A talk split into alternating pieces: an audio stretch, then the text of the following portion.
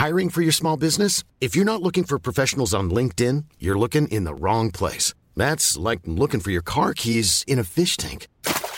LinkedIn helps you hire professionals you can't find anywhere else, even those who aren't actively searching for a new job but might be open to the perfect role. In a given month, over 70% of LinkedIn users don't even visit other leading job sites. So start looking in the right place. With LinkedIn, you can hire professionals like a professional. Post your free job on linkedin.com slash people today.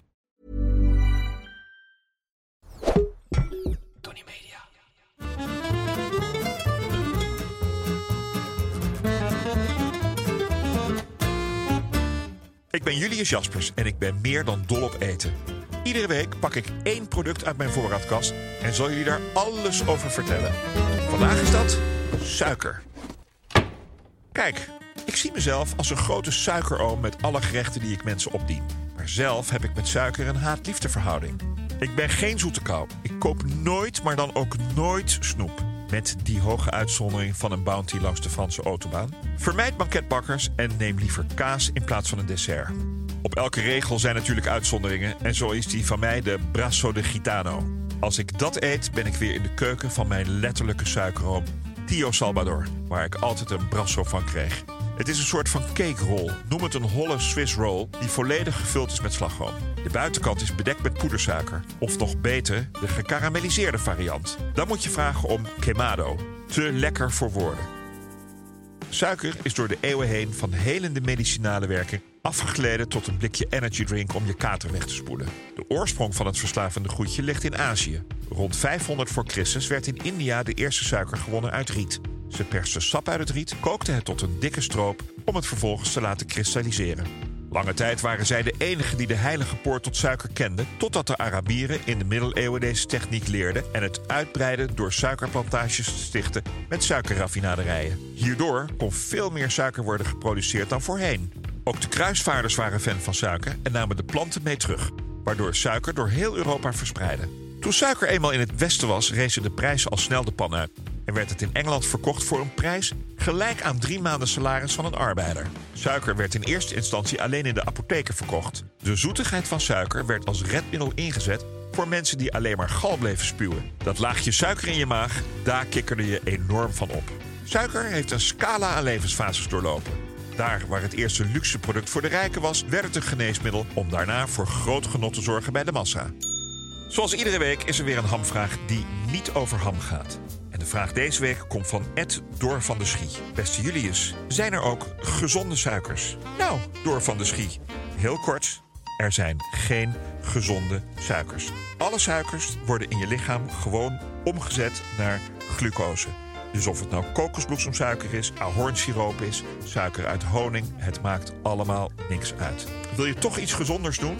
Denk dan eens aan stevia. Stevia is een zoetstof uit Midden-Amerika, 300 keer zoeter dan suiker en nul calorische waarde. Het enige nadeel van stevia is dat het kan zorgen voor een bittere nasmaak. Dus die moet je een beetje zien te verdoezelen. Nederlanders houden erg van suiker. We eten gemiddeld zo'n 99 klontjes suiker per week. En dat komt vooral door de toegevoegde suikers in de inhoud van onze zelfscanmandjes. 99 suikerklontjes. Dat is ongeveer 20 kilo per persoon per jaar. De opbrengst van een hectare suikerriet is zes keer hoger dan van een hectare bieten. Toch blijven we ook suikerbieten verbouwen, omdat het een minder tropisch klimaat nodig heeft. Mensen zijn niet de enigen die dol zijn op deze zoete biet. Ook dieren zijn er verzot op. Let met name op uw labrador als de suikerbietoogst in volle gang is. Ze kunnen zich doodeten aan dit verslavende zoete galgemaal.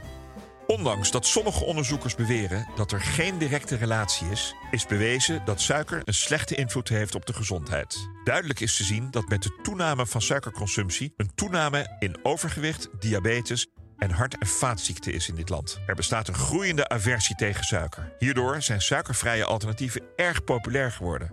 Als je je suikerconsumptie lager wil maken, let dan goed op.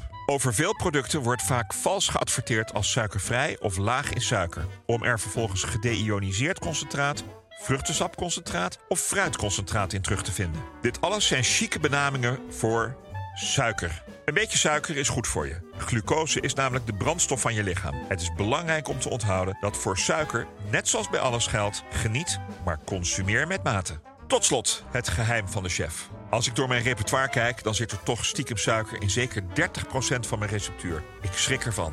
Als we het dan toch over suiker hebben, dan geef ik je een recept waar je echt wat aan hebt. 99,9% suiker met een hartige toon. Gezouten karamel. De bom. Bij ijs of pudding of taart.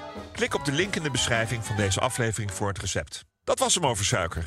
Zeker niet alles, maar best wel wat. Wil je meer weten over iets in je voorraadkast? Of heb je een hamvraag die niet over ham gaat? Stuur dan op Instagram een bericht naar Julius Jaspers. De volgende keer heb ik het over melk. Dag!